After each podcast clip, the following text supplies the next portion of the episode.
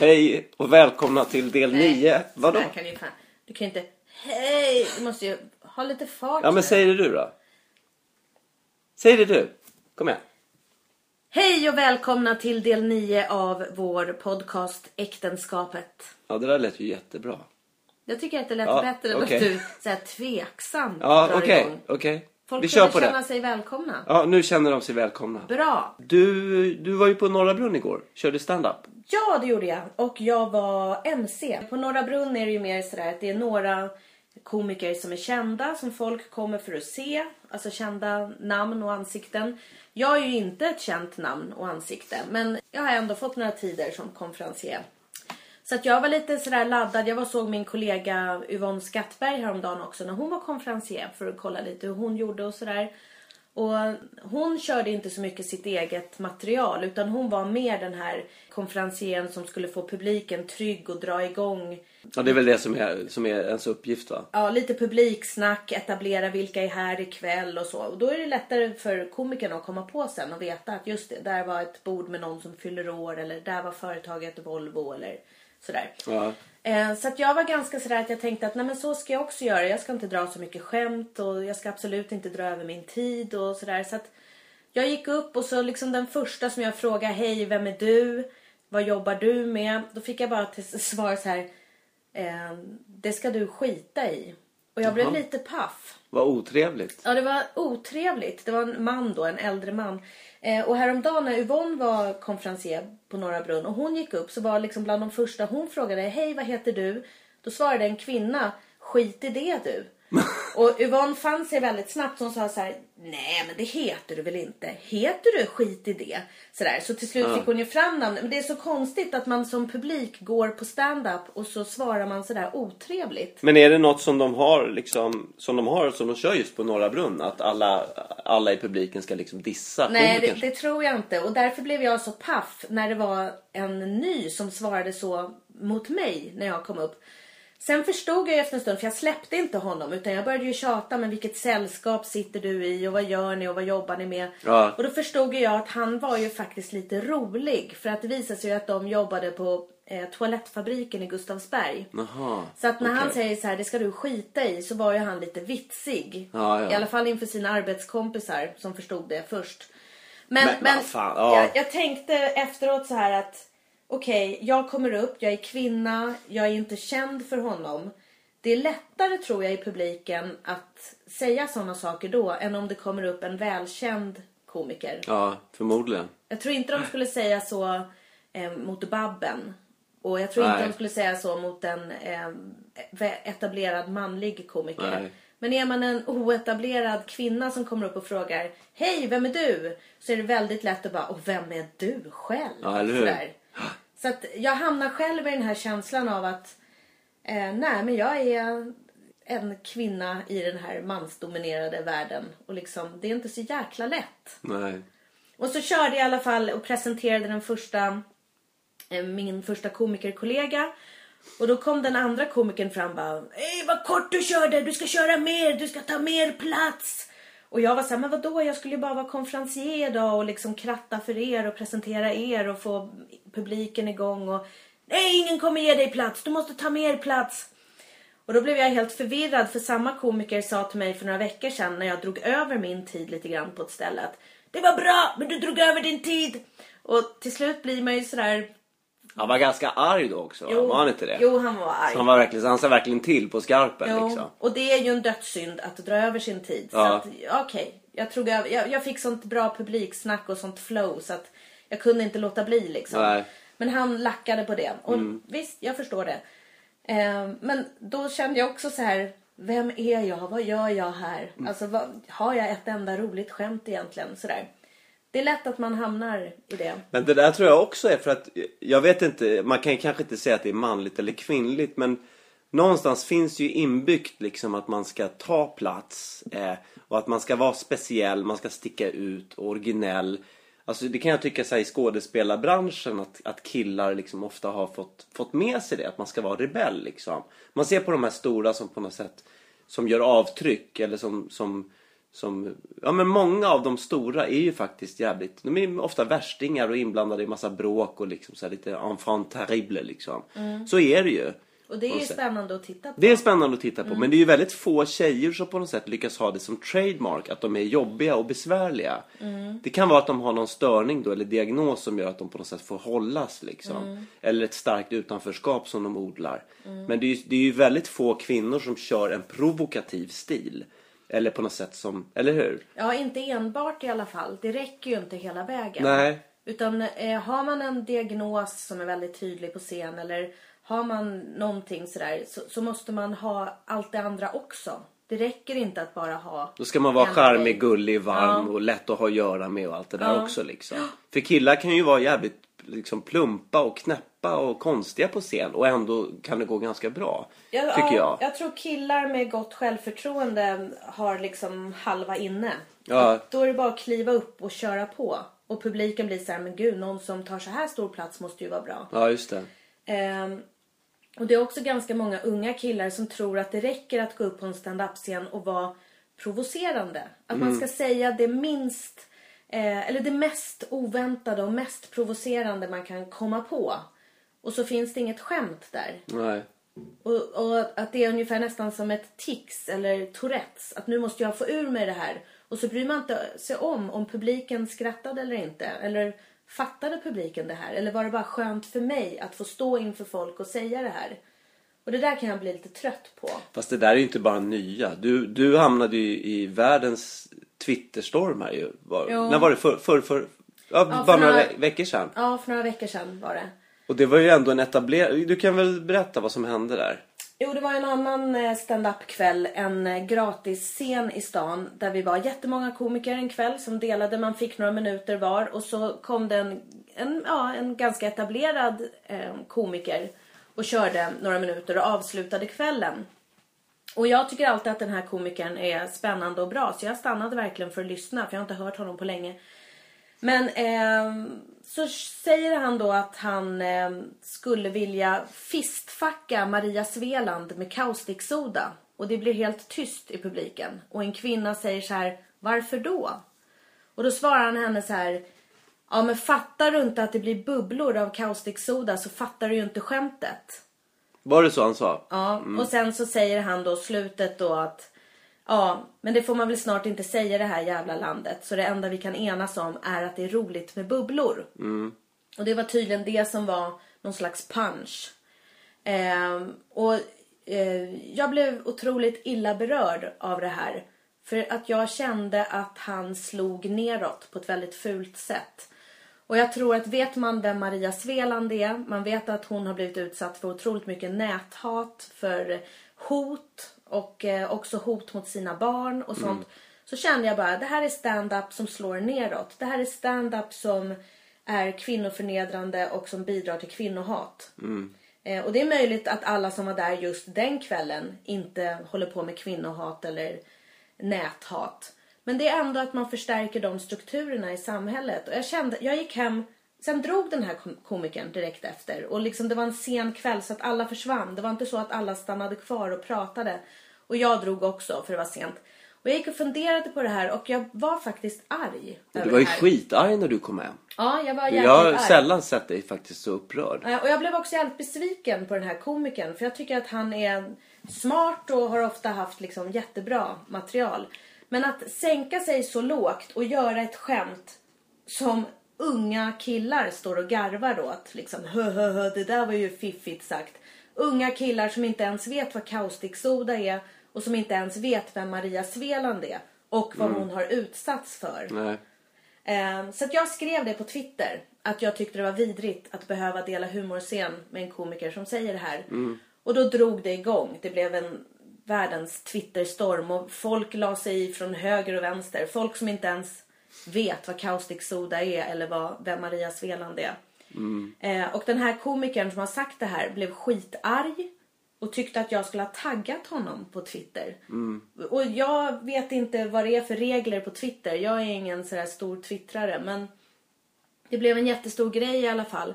Och han hela tiden försvarade sig med att jag inte hade förstått skämtet eller inte förstod fortsättningen. Och det är också ett sätt att dumförklara en hel publik. Ja. Om de inte skrattar så är det för att de inte stannar kvar och lyssnar eller för att de inte har fattat. Alla stannade kvar och lyssnade. Det var inte så att det var någon som gick.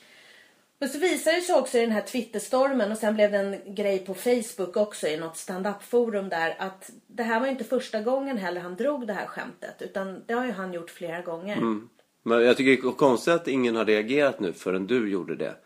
Väldigt konstigt tycker jag. Och sen För- vet inte jag vad folk har pratat om efter giggen. Om, om det är någon som har frågat vad menar du eller vad tänkte du eller Ja. om någon har reagerat. Men jag kände någonstans att måttet blev rågat för att ehm, jag vill att stand-up ska kunna förändra saker i samhället. Jag vill att det ska slå hål på fördomar. Jag vill inte att det ska förstärka den strukturen som är nu i samhället. Och väljer man att använda skämt som eh, handlar om sexuellt våld och våldtäkt utan att det finns någon finess eller någon verkligen varm känsla i skämtet på slutet. Då tycker jag bara att man eh, bidrar till något som försämrar samhället. Men du, får man säga, får man säga eh, vad som helst på en scen? Ja, det får man. Man får skämta om vad som helst. Och självklart, vi lever i en demokrati och det är komikers jobb att skämta.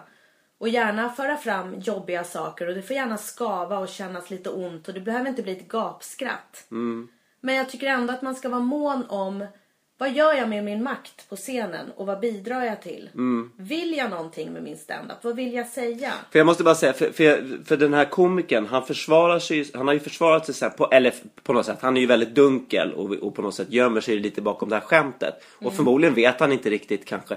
Förmodligen så har han väl ingen agenda bakom utan bara att provocera. Och det mest provokativa man kan säga kanske just nu efter alla debatter om kvinnohat och Maria Svelands uppmärksamhet som hon har fått på grund av det här då. Ja, ja. Är ju att man vill fistfucka Maria Sveland. Ja. Det är på något sätt det värsta. Och då vet man att alla kvinn, alla vänsterfeminister kommer reagera oerhört starkt och det blir liksom en jättestor grej. Men det man egentligen gör det är att man på något sätt eh, sätter eh, de som är trötta på feminister och kvinnohatare och liksom den och näthatare. Man sätter dem igen i en konfliktsituation med vänsterfeministerna.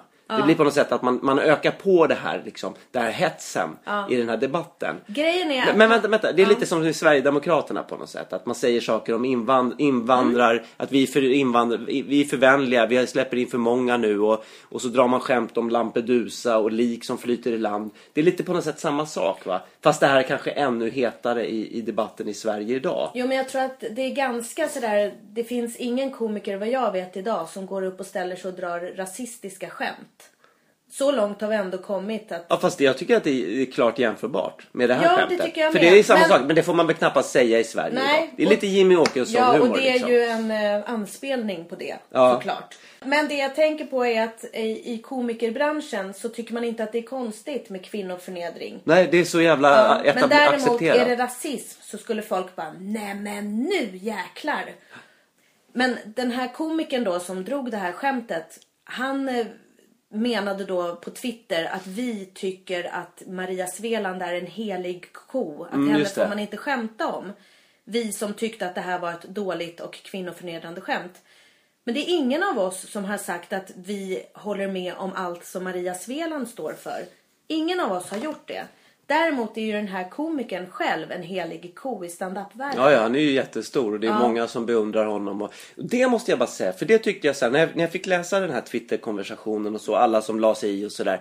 Att det var väldigt många faktiskt, både kvinnliga och manliga komiker som på något sätt först var på något sätt på din sida i den här debatten liksom och fördömde honom lite grann. Och sen så drog de sig tillbaka. Och på något sätt vände sida. Och jag jag tycker inte, alltså det handlar ju inte om du versus den här komikern. För, för Fast det ty- tyckte så- han. Han tyckte Ja. att nu blev det två sidor. Ja, men det var för att han ville fortsätta provocera också lite grann. Jag tror att han blev road, det är hans livsluft. Precis som det på ett sätt är Maria Svelands livsluft också. Att hamna i de här eh, grejerna. Hon, hon, Mm. Men det är ju lite det. Hon skriver böcker om det och Mm. liksom på något sätt hon, hon lever mitt i den här debatten. Och det är kanske det han också på något sätt använder sig av. Så det finns dubbla sidor i det här. Mm. Men man kan enas om att eller vi två kan i alla fall enas om att humor kanske ska vara ett sätt att sticka hål på fördomar och göra världen lite bättre och lite mer tolerant kanske. Och Det inte är i gå, alla fall min ingång. ja, och inte gå näthatarnas och Adolf Hitlers ärenden. Liksom. Får man hoppas då. Fast jag tycker inte, jag tycker mer att vi som faktiskt tyckte att det här var ett dåligt skämt och ifrågasatte det. Jag tycker vi var lite mer diplomatiska i Twitter-tråden. Och också kanske, ja det kanske var dumt att skriva om det här på Twitter. Eh, var det några som började känna. Och det kanske var dumt att bidra till den här Twitter-tråden. För att den ledde inte till något gott. Nej, men skulle- På det sättet, den kanske har lett Absolut. till något gott att vi har lyft upp någonting. Det tycker som jag. Kanske vi, som vi aldrig pratar om. Nej, som vi ska fortsätta prata om. Ja, för det blir också hopplöst att föra en sån här diskussion med komiker eftersom komiker hela tiden ska bräcka varandra i att vara roliga och Mm. provocerande och man vet aldrig är det här ironi eller är det här på allvar. Mm. Så att, men jag skulle vilja föra ett samtal på allvar om det här. Ja, och jag tycker det vore intressant att bjuda in den här komikern också till ett, till ett seminarium. Där man faktiskt Jo. pratar om de här frågorna. Jag tror i och för sig inte att han skulle kunna försvara sitt skämt. Och det säger han ju också i sin podcast som han har med två andra komiker. Att ja, det kanske inte var världens mest lyckade skämt eller vad han säger. Och en av komikerna ifrågasätter ju också, kan man verkligen fistfacka någon med kaustiksoda? Det är ju ett pulver. Ja, det är, det är en ganska dålig bild. ja, Om man ska eller- försöka, om man ska försöka göra ett skämt ty, så, så bygger ju det på att dels att alla har referenser till skämtet. Jo. Och om publiken inte, inte ens de som han gjorde podcasten med, hans kollegor visste ju vem Maria Sveland var och en visste inte vad kaustiksoda var. Och ändå satt de och försvarade hans skämt. Och det tycker jag tyder på en viss grabbighet och liksom ryggdunkarklubb sådär va. Jo men det är ju det Bland- det är. Och alla, det är både unga tjejer och unga killar i stand-up-branschen som har gått in och skrivit ja jag tycker också det är kul med bubblor, Aron, hö hö, dunk dunk liksom. Ja. Eh, där man känner så här, ja men eh, vem är Maria Sveland då? Vad är det hon har fått utstå? Det är så kortsiktigt. Ja, och vet man inte vem Maria Sveland är, då blir det ju bara en kvinna och kaustiksoda. Och då Ja. blir det ju verkligen liksom på den lägsta, lägsta nivån. Ja. Så att, och det är, ju där, det är ju där skämtet slutar i slutändan. Jo. Att det är okej att, att det är kul med bubblor och att fistfacka kvinnor med kaustiksoda. Ja. Det är där skämtet landar liksom. Ja. Om, man inte, om man inte gör det för en elitistisk eh, publik. Nej. Där alla är insatta. Och, och konsekvensen blir ju att man förstärker strukturen i samhället och eh, en kvinnoförnedrande jargong. Och alla de här skämten om sexuellt våld och våldtäkt. Det är ju på ett sätt också ett sätt att normalisera att så här ser det ut. Och att distansera sig från problemet. Men vad hoppas du kan komma ur det här? Vad, vad, för att det var, du tyckte det var lite jobbigt och du tänkte så här, fan nu, nu sticker jag ut hakan här liksom i standup-branschen. Som är ganska konservativ och lite så eh, Jo, polarnas polare. Eh. Jag tyckte det var jävligt bra av dig att du tog ställning. För jag, så här, jag kan tycka så här att jag har ju själv hållit på lite grann med stand-up. Och jag märkte att jag började skriva så här Ja men un, under bälteshumor och så jag kände så vad fan, vad är det jag vill berätta? Var är udden? Vad, vad, vill jag förändra någonting? Och jag kom aldrig så långt för att jag körde inte tillräckligt länge. Jag, har inte, jag, jag måste odla det vidare, hitta mi- vad jag vill säga. Men det är ju väldigt många som bara kör liksom tönthumor som, är, som är bara skrapar på ytan, som inte säger någonting överhuvudtaget, som inte skapar någonting. Och, och, och där kan man ju fråga, vad är humor och vad, och vad ska vi ha humor till? Ja. Och där tycker jag det är bra att du faktiskt tar ställning, att det börjar, det börjar bli lite angeläget. Blir man upprörd av ett, av ett skämt, då är det ju för att det finns ett allvar i det här som vi vill prata om och dryfta. Och det tycker jag är väldigt, jag tycker det var jävligt bra av dig att du gjorde det, att du reagerade. Och någonstans kan jag tycka att, att den här komikern också har gjort något bra för branschen. För att man tänjer på gränserna. Liksom. Och till slut så kanske, och alla behöver inte tycka att allt är kul. Men att hela tiden gömma sig bakom, äh det var ju bara ett skämt. Jag tycker inte det funkar. När Nej. man tar upp det på det sättet. Men då är det ju bra om publiken, att man reagerar på det som är too much. Eller det som man tycker är rent av skadligt, som har en skadlig inverkan. Det är ungefär som att någon, någon höjer volymen. Då får man sänka volymen om det gör ont i öronen. Eller om man känner att det här gör mig bara illamående. För någonstans är det ju ändå, man brukar säga att stand-up måste ske på publikens premisser. Och en del håller på att göra sig lustiga över det där, ungefär som att det vore mesigt. Men någonstans ska väl stand-up leda till att publiken skrattar. Ja, det är väl något slags mål. Och sen om man får med sig något tankeväckande eller att det kan förändra världen till något bättre så är väl det liksom guldstjärna i kanten. Liksom. Ja. Eh, sen tycker inte jag att allt behöver vara politisk humor och att nu ska vi förbättra världen. Det, det är inte så. Men jag tycker inte att det är okej att skämta på någon annans bekostnad. Det, och det är också så här, eller på någon annans bekostnad är det klart man kan göra. Men inte när det är en person som har fått utstå en jäkla massa hot och som faktiskt har sabbat, eh, fått livet sabbat. Nej. Så. Eh, men också, jag har pratat, det var några på den här Twitterstormen som bara varför tog du inte ansikte mot ansikte? Och helt plötsligt efter två veckor skriver du. Jag kan känna så här, lika väl som det är en demokratisk rättighet att få ta upp vad som helst på en stand-up-scen. Så är det väl också min demokratiska rättighet att uttrycka en tanke eller en åsikt på Twitter. Självklart. Eller Facebook. Självklart. Eller i min blogg. Eller whatever. Eller i den här podcasten. Ja. Eh, Det är klart. och det är också så här, eh, jag tänkte jättemycket på det här. Och verkligen rannsakade mig själv. Och vad är det nu? Varför tycker inte jag att det här skämtet är roligt? Varför reagerade jag så starkt på det? Eh, för det är väldigt lätt också för eh, folk i stand-up-branschen att bara säga så här. Men vad då har du ingen humor? Eller eh, det var ju bara ett skämt. Eller fattar du inte? Eller sådär. Men eh, någonstans så var min gräns nådd. Och eh, jag har också förstått av Twittertrådarna och sådär att, att han körde det här skämtet i Almedalen och att jättemånga i publiken reste sig upp och gick. Och då är det väldigt lätt att avfärda det som att nej, men de var såna sura gamla haggor som inte har någon humor. Det är väldigt lätt att köra den. Ja, och även det var någon kvinna som inte håller på med stand-up vad jag vet som skrev också. Vad bra att någon tar upp det här. Konstigt att ingen har tagit upp det här förrän nu. Hon hade själv varit i Almedalen. Och då fick hon jättemycket påhopp från andra komiker som bara, men vem är du? Är du komiker eller? Som om folk utanför branschen inte skulle få uttala Nej men det där var ju bara en idiot. Det, det var en riktig idiotkommentar faktiskt. Ja, men och jag känner också så här, när jag kom hem och pratade med dig Mm. och du också tyckte att det var ett alldeles för grovt och skämt utan ehm, en ordentlig twist eller att det inte var Jag tycker inte att det var ett, jag tycker inte att, jag vet inte, det finns ju olika slags skämt. Jag tyckte att det var ett dåligt skämt kan man Mm. säga. Eftersom det varken var roligt eller det blev inte heller begripligt eftersom den här kvinnan i publiken sa, hon stoppade ju flödet i skämtet så att punchen kom inte där den skulle. Mm. Nej. Så det blev ett otajmat, dåligt skämt Mm. som bara hade ett enda syfte, att provocera. Ja, nej men vi får se. Jag hoppas att det kanske leder till en högre nivå. Ja, jag, jag måste bara säga en grej. För det, det finns ju komiker som kör väldigt grovt och sådär. Och jag tänker på en, en komiker som jag beundrar väldigt mycket som Bill Hicks. Du vet. Eh, Som dog alldeles för tidigt och sådär.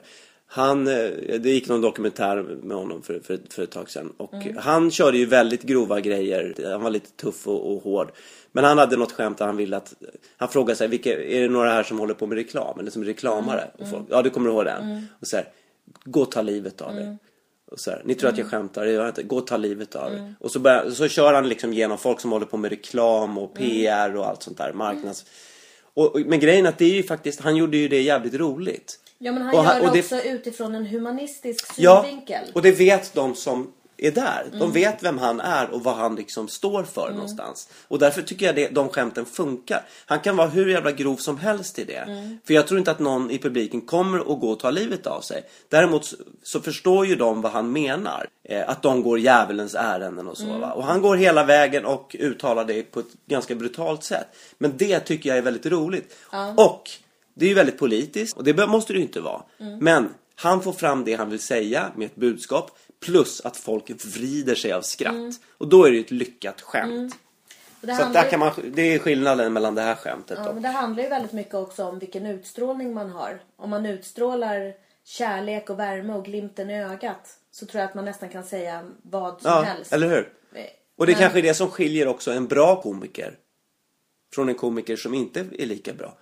Det, det är intressant för att det är väldigt mycket det där. Vem säger det här? Vilken timing finns det? Finns det en glimt i ögat? Eller... Ja. Och jag fick mig själv en tankeställare också. För det var en annan komiker som hoppade in i Twittertråden och, och skrev så här. Har Malin dragit sitt bögskämt än? Då jag kände så här. "Ja, men jag är själv en del av det här. Jag har tagit mig friheten att dra ett bögskämt på stand-up-scenen. Ja. Och jag tänkte att den här killen kanske inte alls har tyckt att det har varit kul. Jag har trott att, att jag har gjort det på något sätt med hans tillåtelse. Men jag kanske har missuppfattat hela situationen.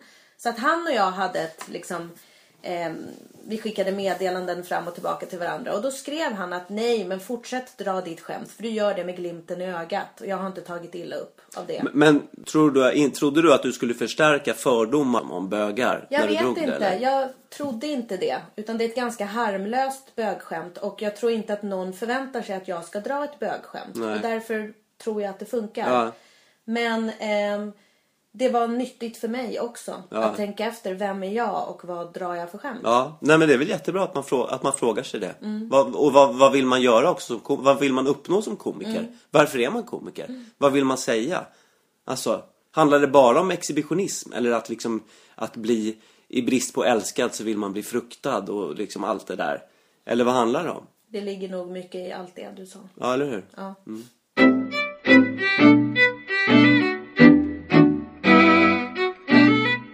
Men det där gäller ju inte bara humor, det gäller ju i alla områden egentligen liksom. Och det, och det där tycker jag har blivit ganska upplöst i vår tid som vi lever i. Vad som är vad, i underhållningsindustri faktiskt. Jag funderar rätt mycket på den här, jag såg sista avsnittet av eh, Breaking Bad igår. Jag ska inte avslöja finalen för de som inte har sett den. Men den har ju blivit så fruktansvärt omdiskuterad och älskad över allt annat. Som typ, I många olika åldrar Ja. också. Väldigt brett alltså. Men där undrar jag också, är det flest män som älskar den här serien? Eller är det även kvinnor? Jag får känslan av att det är män i olika åldrar som är Ah, fascinerade. nah, det, det, är, det är faktiskt både och. Men jag kan det är klart att det är förmodligen är mest män. Eftersom det är, det är, män, det är män i huvudrollerna. Det handlar Det är väldigt om en mycket manlig manliga roller. Det handlar om knark och det handlar om vapen och våld. Ja, och på något sätt också huvudpersonen där, Walter White, är ju någon slags amerikansk, du vet, som ska provide for his family. Det Mm. är liksom på något sätt grundpelaren i alltihopa. Men är inte Och han gör det också- in absurdum då. Är han inte också ganska mycket en loser i början? Jo, han är en loser. tönt? Jo, han är, han är en loser och han får, ing, han får inte den respekten. Nej. Mm. Han är en kränkt vit man skulle man kunna säga. Faktiskt. Ja. Det börjar bli slitet och så, men det är, det är precis det han är. Mm. Han får jobba med massa skitjobb och, och så har han cancer och hans son har CP-skada så att han måste genomgå massa operationer och sådär. Mm. Och så kommer han på ett sätt att tjäna pengar och det gör han jävligt bra. Men jag, ibland kan jag känna mig så jävla korkad för ibland fattar inte jag vad...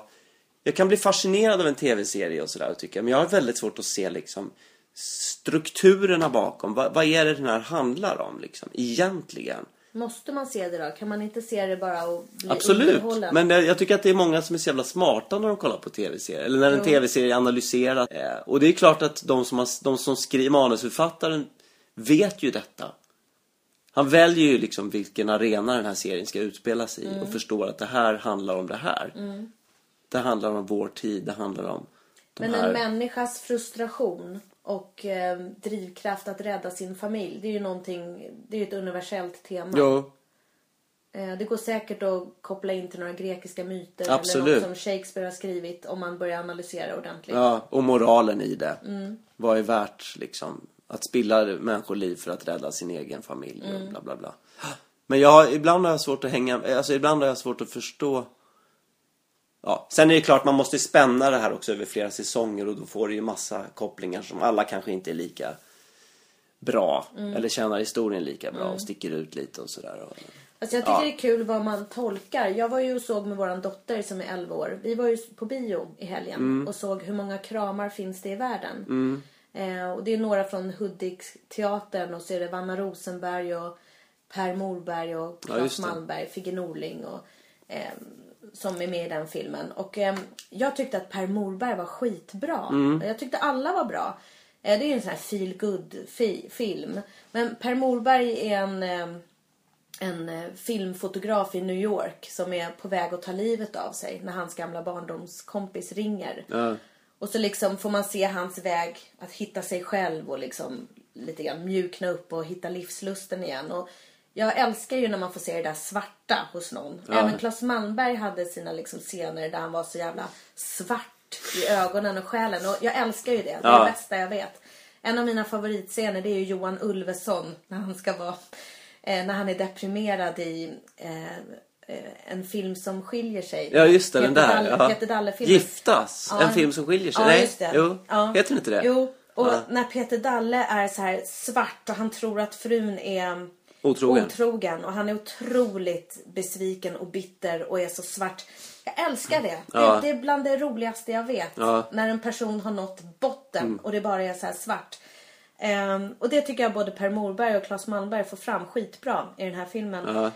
Men så pratade jag med våran dotter efteråt och sådär. Ja, jo, hon tyckte filmen var bra och sådär. Men hon tyckte att Per Morberg och Claes Malmberg var skitdåliga. Är det sant? Ja, och jag Jaha. försökte få, vad, vad menar du? Nej, jag tyckte inte alls om det som de gjorde. Och, fast däremot tyckte hon att alla de andra då som var bra, de som också utgår från sig själva med sina diagnoser och utvecklingsstörningar.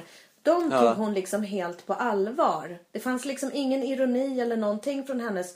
Utan som en människa att, ja, vi ska vara snälla mot varandra. Sådär. Men var det, att de, var det att de inte spelade liksom en roll eller? Tyckte hon det var jobbigt för att de andra på något sätt gick in i en roll och en känsla så tydligt? Nej men det liksom? vet jag inte och jag vet inte om hon, Nej. om hon har svårt att skilja mellan rollen, skådespeleriet och vad, vad den spelade Jo, men det för tror roll. jag. Och, utan hon gillade inte dem som personer. Nej, precis. Hon tyckte att de var Och dumma, det de stod för, liksom. dumma och taskiga och att det Ja. liksom inte ledde till något bra och sådär. Hon vill ju gärna att det ska sluta lyckligt. Ja, liksom. och det är väl bra. Det är väl fint. Ja.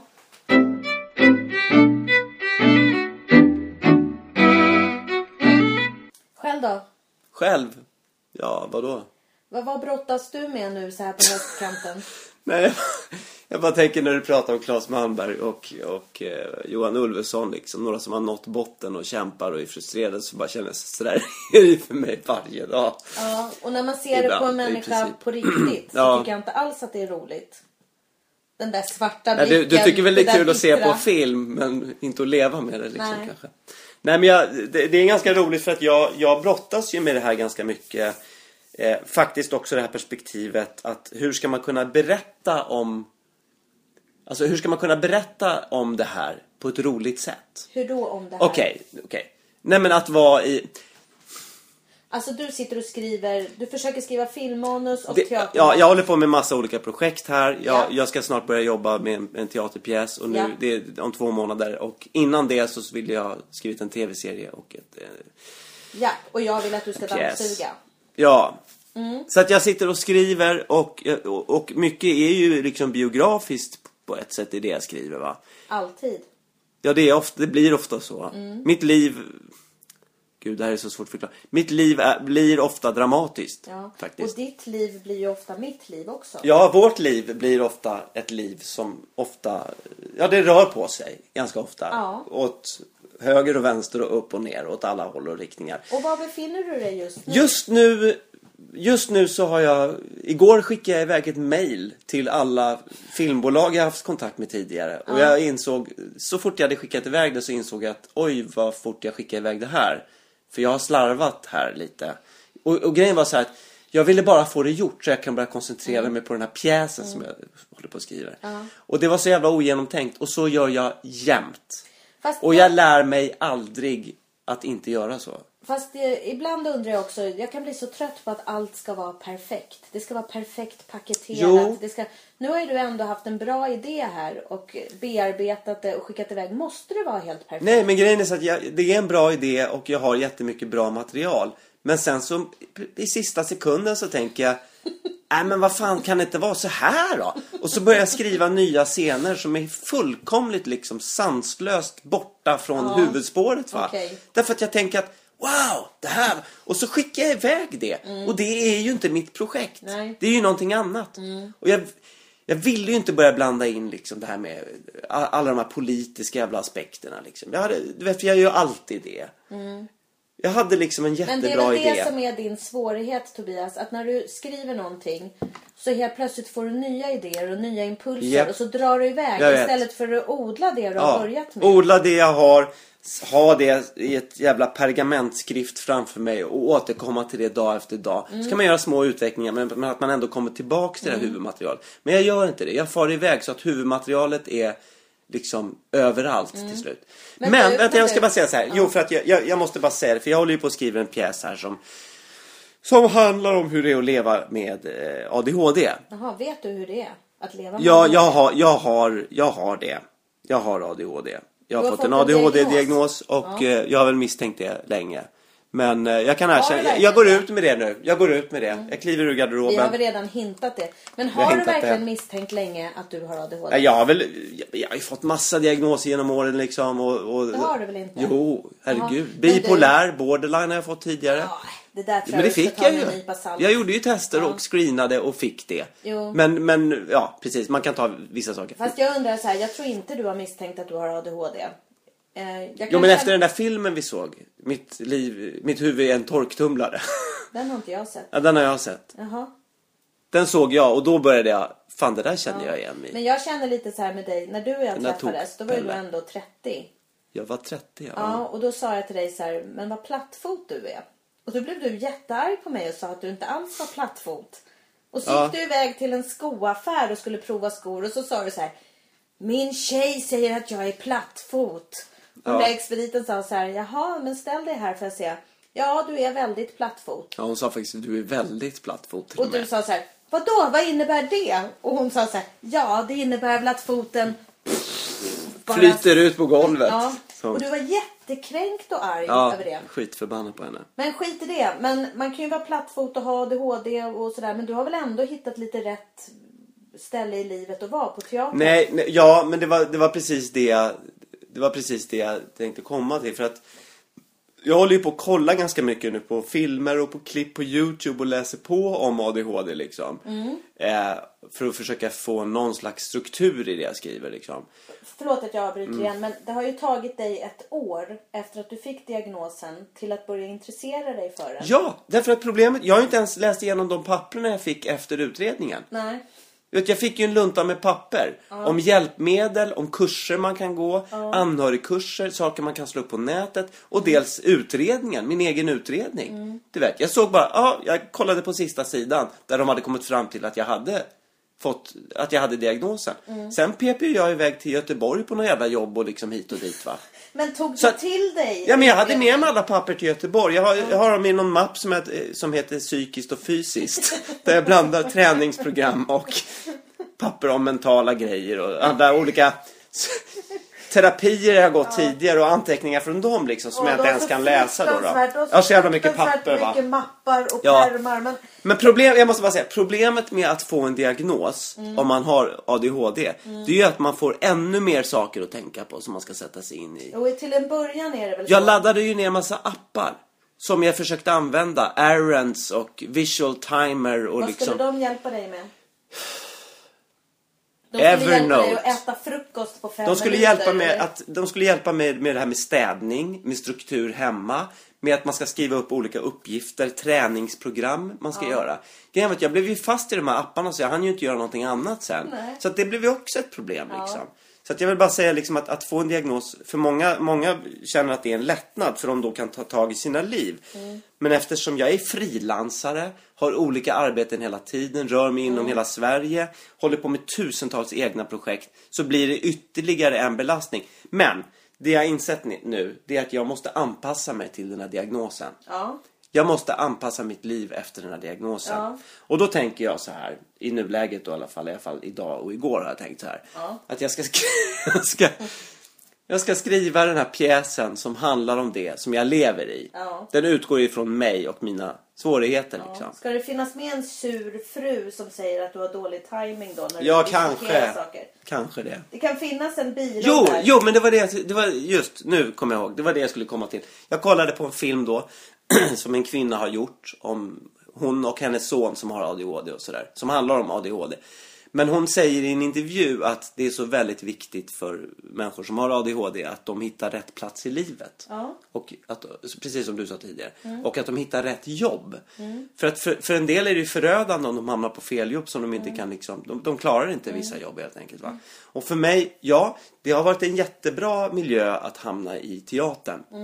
Eh, och jag, har ju, jag har ju inga jättesvåra, jag har, jag, för mig funkar det att passa tider. Det gör det inte för alla som har ADHD. Du jag, kommer ofta en minut sen. jag kan komma, för, ja det gör jag. En minut för sent kommer Och jag. du springer ofta Jag springer in i och rummet. om tunnelbanan skulle vara försenad skulle jag komma för sent. För jag är alltid i sista sekunden. Mm. Men till teatern har jag alltid hunnit i tid. Jag har aldrig fått sparken för att jag kommer för sent till en föreställning Nej. eller till en repetition. Och du kan ju också hålla fokus och koncentration när ni Nej, det är kul. När det är kul ja. när det är kul. Okej, och jag ja. tycker att det är kul att repa. Ja, mm. Så att det funkar. Teater funkar väldigt bra för mig, skådespeleri. Mm. Eh, så att det har gått bra. Däremot, det som är svårt det är det här frilanseriet. Mm. Och de här olika projekten.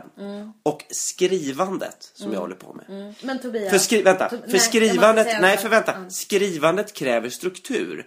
Och när jag har gått på Biskopsane då skriva dramatik och sådär. Så alla de här små övningarna vi gör går jättebra. Och skrivövningar och kortvariga skrivprojekt liksom. Men när jag ska skriva på ett långt då, som till exempel en tv-serie som är liksom 10 gånger 60 minuter till exempel va. Och jag ska ha överblick över 10 avsnitt och 50, alltså alla de här olika huvudbågarna och vändpunkterna och liksom ABC-linjer och konflikter och kärleksrelationer. Det blir så oöverstigligt för mig va. Och min handledare, och så, det slutar ju alltid med att jag sätter mig och skriver scener. Och det, ska, man- det är det sista man ska göra, skriva dialog. Det är bara.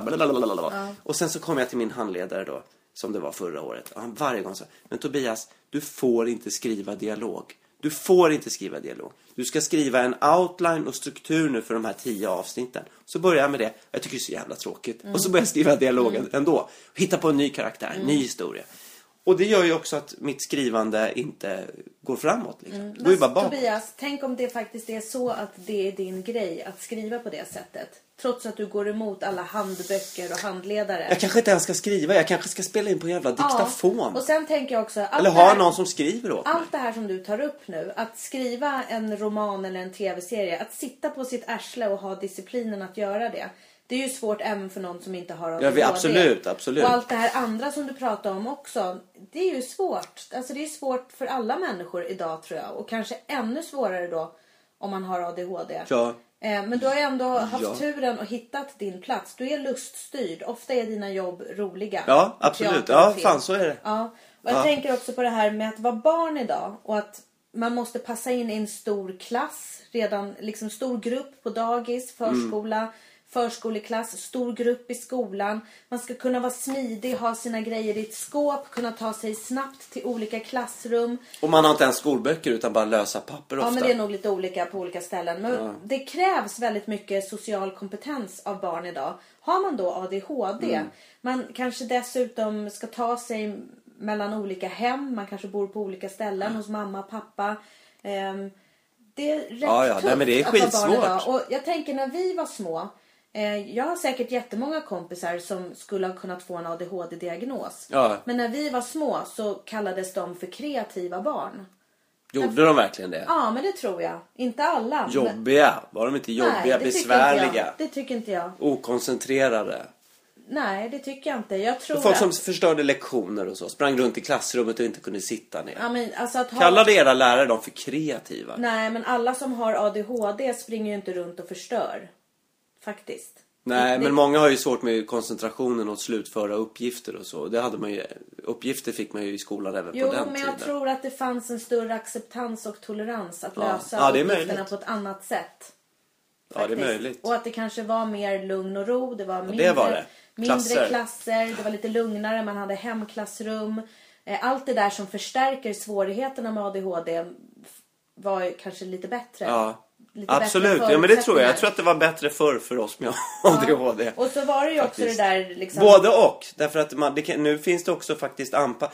Om man får en diagnos nu så finns det också en, en större medvetenhet. Och man kan använda datorer till exempel om vissa har skriv och lässvårigheter. Alltså det finns Jo, hjälpmedel som inte fanns då. För då, då skulle alla ändå göra på samma sätt ju. det är ju jättebra att det finns hjälpmedel och en förståelse. Eh, Men det finns ju också någonstans då en inbyggd mekanism som säger Nej men det där behöver inte jag göra för jag har ju ADHD. Det kommer ju elever till gymnasiet Jo. som man säger så men du, du har ju inte skrivit någonting. Nej, jag har inte skrivit någonting för jag har ju ADHD. Ja, nej men precis. Folk behöver inte kämpa och utvecklas vidare. Man, Det, det, Oavsett vilken diagnos man har så ska man ju få ett liv där man funkar. Mm. Men du, jag måste bara berätta.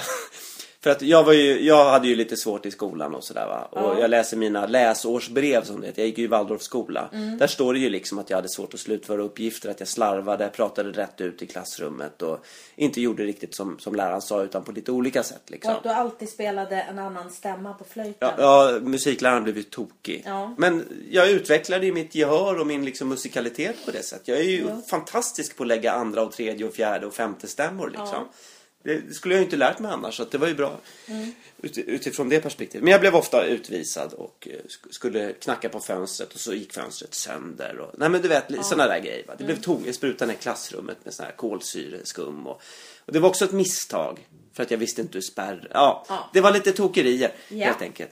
Men då fick jag gå på såna här extra lektioner. Så jag fick ha extra eurytmi.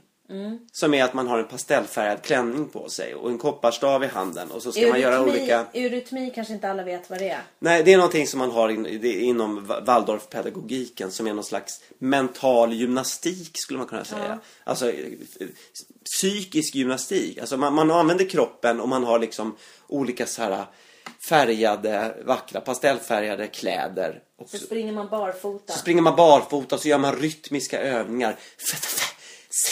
Men är det att man, man dansar? Oh.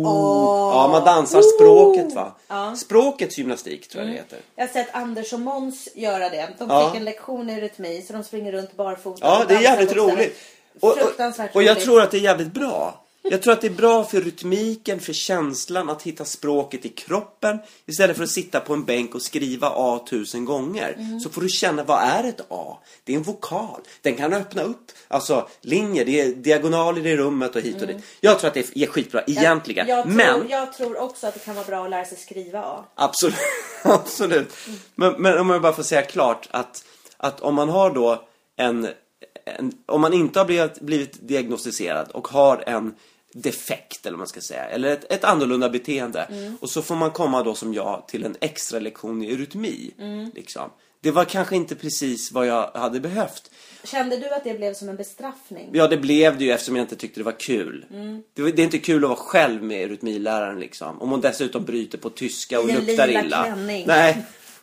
Och, och alla lärare på den tiden bröt ju på tyska liksom. Och hade äcklig andedräkt och luktade får fitta. Nej. Jo, men lite och lite så. vitkål i... Ja, precis. i Sur, surkål faktiskt mest. Ja, okej. Men nästa gång när det hade utvecklats då mina de här okoncentrerade ögonblicken så fick jag gå upp till en dansk speciallärare som bodde typ, alltså han huserade uppe på vinden. I någon slags vindsateljé. Och då var det lite konstnärligt sådär så att vi skulle måla där då. Så att de tyckte väl att jag verkade må dåligt va. Och, och det kanske hade med skilsmässa och sånt där att göra. Men jag fick sitta där uppe och måla och prata förtroligt med honom. Och han hade ett akvarium med dansmöss där uppe. Och, ja, nu ska vi se det små. Ja, det här är lure och det där är klure. Och så hade han döpt dem på olika sätt liksom. Ja. Så han hade ett vattenglas och så tog han och doppade en penna med olika färger. Och så tog han ner lite färg i ett glas och så, så sa detta är kosmos. Och så fick man se liksom de här färgerna upplöstes och så. Och det var ju mysigt och så, men jag vet Men inte hur det... du Att, tyckte du att det var mysigt? Jag tyckte i början att det där var lite mysigt att sitta där med honom. Ja, det För var ju lugn och ro lite. Ja, det var som att få en, en pappa som hade tid med en på något sätt. liksom. Varvade du ner lite där då? Jag, det, jag varvade väl förmodligen ner. Men jag är inte säker på att det var det jag hade behövt. Nej. Liksom. Jag jag- kanske hade behövt medicin. Jag kanske hade behövt medicin. Jag tar ju medicin idag. Mm. Idag har jag inte tagit. Nu på morgonen. Det är kanske är därför jag pratar så fort och förvirrat. Men ibland när jag ska sitta och skriva en hel dag. Då, då tar jag det där. Då tar jag medicin. Men du, det här med Och då kan jag medicin. fokusera i flera, flera timmar. Ja, men du, det här med medicin. Alltså Ja. det finns ju olika medicin för eller mot olika saker. Mm. Och den här medicinen du pratar om nu, den här ADHD-medicinen som gör att du kan Det finns olika sorters. Ja, men du pratar om en medicin som gör att du kan fokusera Ja. i hur många timmar som helst. Ja. Och du blir otroligt produktiv. Ja. Jag kan tänka tvärtom. Vad är det för samhälle där man ska droga sina medborgare så att de blir som Duracell-kaniner? Varför kan man inte få vara som man är? Jo, grejen är bara att om man har... Jo, det är klart man Ett får helt jävla Jag kan ju välja själv Ett jag... helt jävla samhälle som går på tjack. Fattar du vilken dröm för alliansens arbetslinje det är? Jag tycker Ja, att det är läskigt. Men snälla du, du får också tänka på att folk som har en nedsatt funktionsförmåga på ett sätt. Mm. Det innebär att jag, det innebär ju så här att om jag inte skulle ta medicinen så skulle jag aldrig kunna slutföra ett enda projekt. Fast det tror jag att du skulle kunna. Men det kan, det kan jag ju uppenbarligen inte. Nej, i och för sig. Jag, kan, jag gjorde en kortfilm. Ja. Och den gjorde jag, och, och, det var ju helt vansinnigt som jag gjorde den. Kommer du ihåg det? Jo. När jag gjorde den där kortfilmen som sen gick Göteborgs filmfestival. Jag, gjorde, jag skrev manus, producerade, regisserade, spelade huvudrollen, klippte, gjorde musiken och liksom marknadsförde. Ja, jag är mest imponerad Från- av att du skaffade gratis catering. Jag fixade gratis catering. det var ja, det var, så det var ju produktivt på det sättet. Ja. Men jag gjorde allting inom loppet av liksom, vad var det, en månad. Ja. Jag hade aldrig kunnat hålla på och utveckla den här kortfilmen i, i ett års tid. Nej. För att jag hade släppt det då. Mm. Utan jag kunde fokusera på den här väldigt kort tid. Jag hade väldigt bra samarbetspartners. Mm. Som, som tröttnade på mig tror jag. För att jag var så förvirrad. Ja, men det Och var hetsig. bra att de var bra. De var bra, de, jag vet inte om de ställer upp en gång till. Nej. Eh, Och, och, det, och det blev, det blev okej. Det Mm. blev inte vad jag hade förväntat mig. Det blev inte så bra som jag hade hoppats. Nej. Jag slarvade lite. Det blev inte som det var tänkt att det skulle bli. Nej. För att jag hade för bråttom. Och för Jo. att jag satt på för många stolar. Ja. Men jag hade inte kunnat fixa ett projekt som hade varit längre än det. Jag skulle inte kunna göra det om jag inte käkade medicin. Men då åt du ju ingen medicin. Nej, då gjorde jag ju inte det. Nej. Men jag menar nu att, att överhuvudtaget, jag har ju ändå suttit och skrivit ganska länge nu, sen får vi se vad det blir av det. Men jag tror inte att jag, till exempel den här mon- monologen som jag håller på att skriva på om ADHD. Jag tror inte att jag kommer kunna få den klar om jag inte äter medicin. Nej. Igår när du skickade iväg de här förhastade mejlen, hade du ätit medicin då?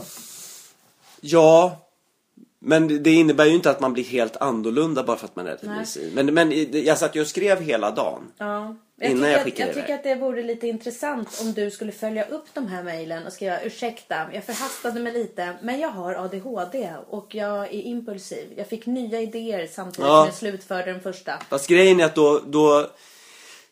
Det där är en jävla avvägning. Jag tycker att det där är svårt. Jag har ju bestämt mig för att, för att gå ut nu med att jag har ADHD. Och till och med kanske faktiskt jobb. Grejen är så här, jag tror att jag skulle kunna jobba eh, med någonting som har med det här att göra. Mm, det tror jag med. Men vet Kanske du vad, Tobias? föreläsa eller gå ut och prata. Försöka hjälpa folk som har ADHD. Ja, och vet du vad? Det Jag- skulle vara jag tycker det är bra, flart.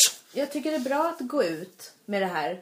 På samma sätt som jag tycker att man ska outa en komiker Ja. som står och säger kvinnoförnedrande saker Absolut. på scen. Så är det inget att liksom... Nej, och det kan vara så här att det kan vara så att man får inte vissa jobb. Det kanske är vissa där ute, vissa arbetsgivare. Kanske några till exempel på filmbolag som tycker så här, men han kommer ju inte kunna skriva klart en enda jävla scen om han har ADHD. Det är möjligt att det är så, att folk Eller så tänker ser så. de fördelarna med Eller det. så ser de fördelarna med det här och att det kan hända mycket på kort tid. Mm. Att det kan finnas många spännande infallsvinklar. För det har jag ofta fått höra Mm. liksom på skolor att, att jag kanske inte har gjort exakt det som de har förväntat sig men ibland har det kommit andra oväntade håll att se på saker. Alltså från olika vinklar som Det har är varit... det jag gillar med dig. Gör det? Ja. Att jag kan ta upp ett problem och så ser du på det från ett helt annat håll. Jaha, vad trevligt. Ja, om jag vad till jag exempel säger så här, ska vi ha ett bomullstyg här? Och att du helt plötsligt kan säga så här, ja men jag tänker mig mer ett sånt här lite lättare tyg så man tänker sig att man öppnar ett fönster på sommaren och det fladdrar lite lätt i en bris. Det är ditt sätt att förklara viskos eller polyester. Och, Får du en bra bild av det då? ja. Ja. Och ibland kan jag bli galen av de där långa bildliga uttrycken. Men jag tycker att det är spännande och roligt. Ja. Men jag tänker på när du satt uppe på vinden med de här dansmössen och kosmos i glaset. Yeah. Det man tänker på är ju, vad gjorde de andra i din klass under tiden? ja, de satt väl och räknade eller något sånt där. Så det har ju lett till att du har kunskapsluckor. Ja, enorma kunskap Men tänk dig nu för tiden, Du vet, de är helt oöverstigliga alltså. Tänk dig nu för tiden om man skulle hantera barn som är lite livliga och lite oroliga. Bara, Nej, nu får du gå upp på vinden och titta på dansmusen och titta på kosmos i ett glas.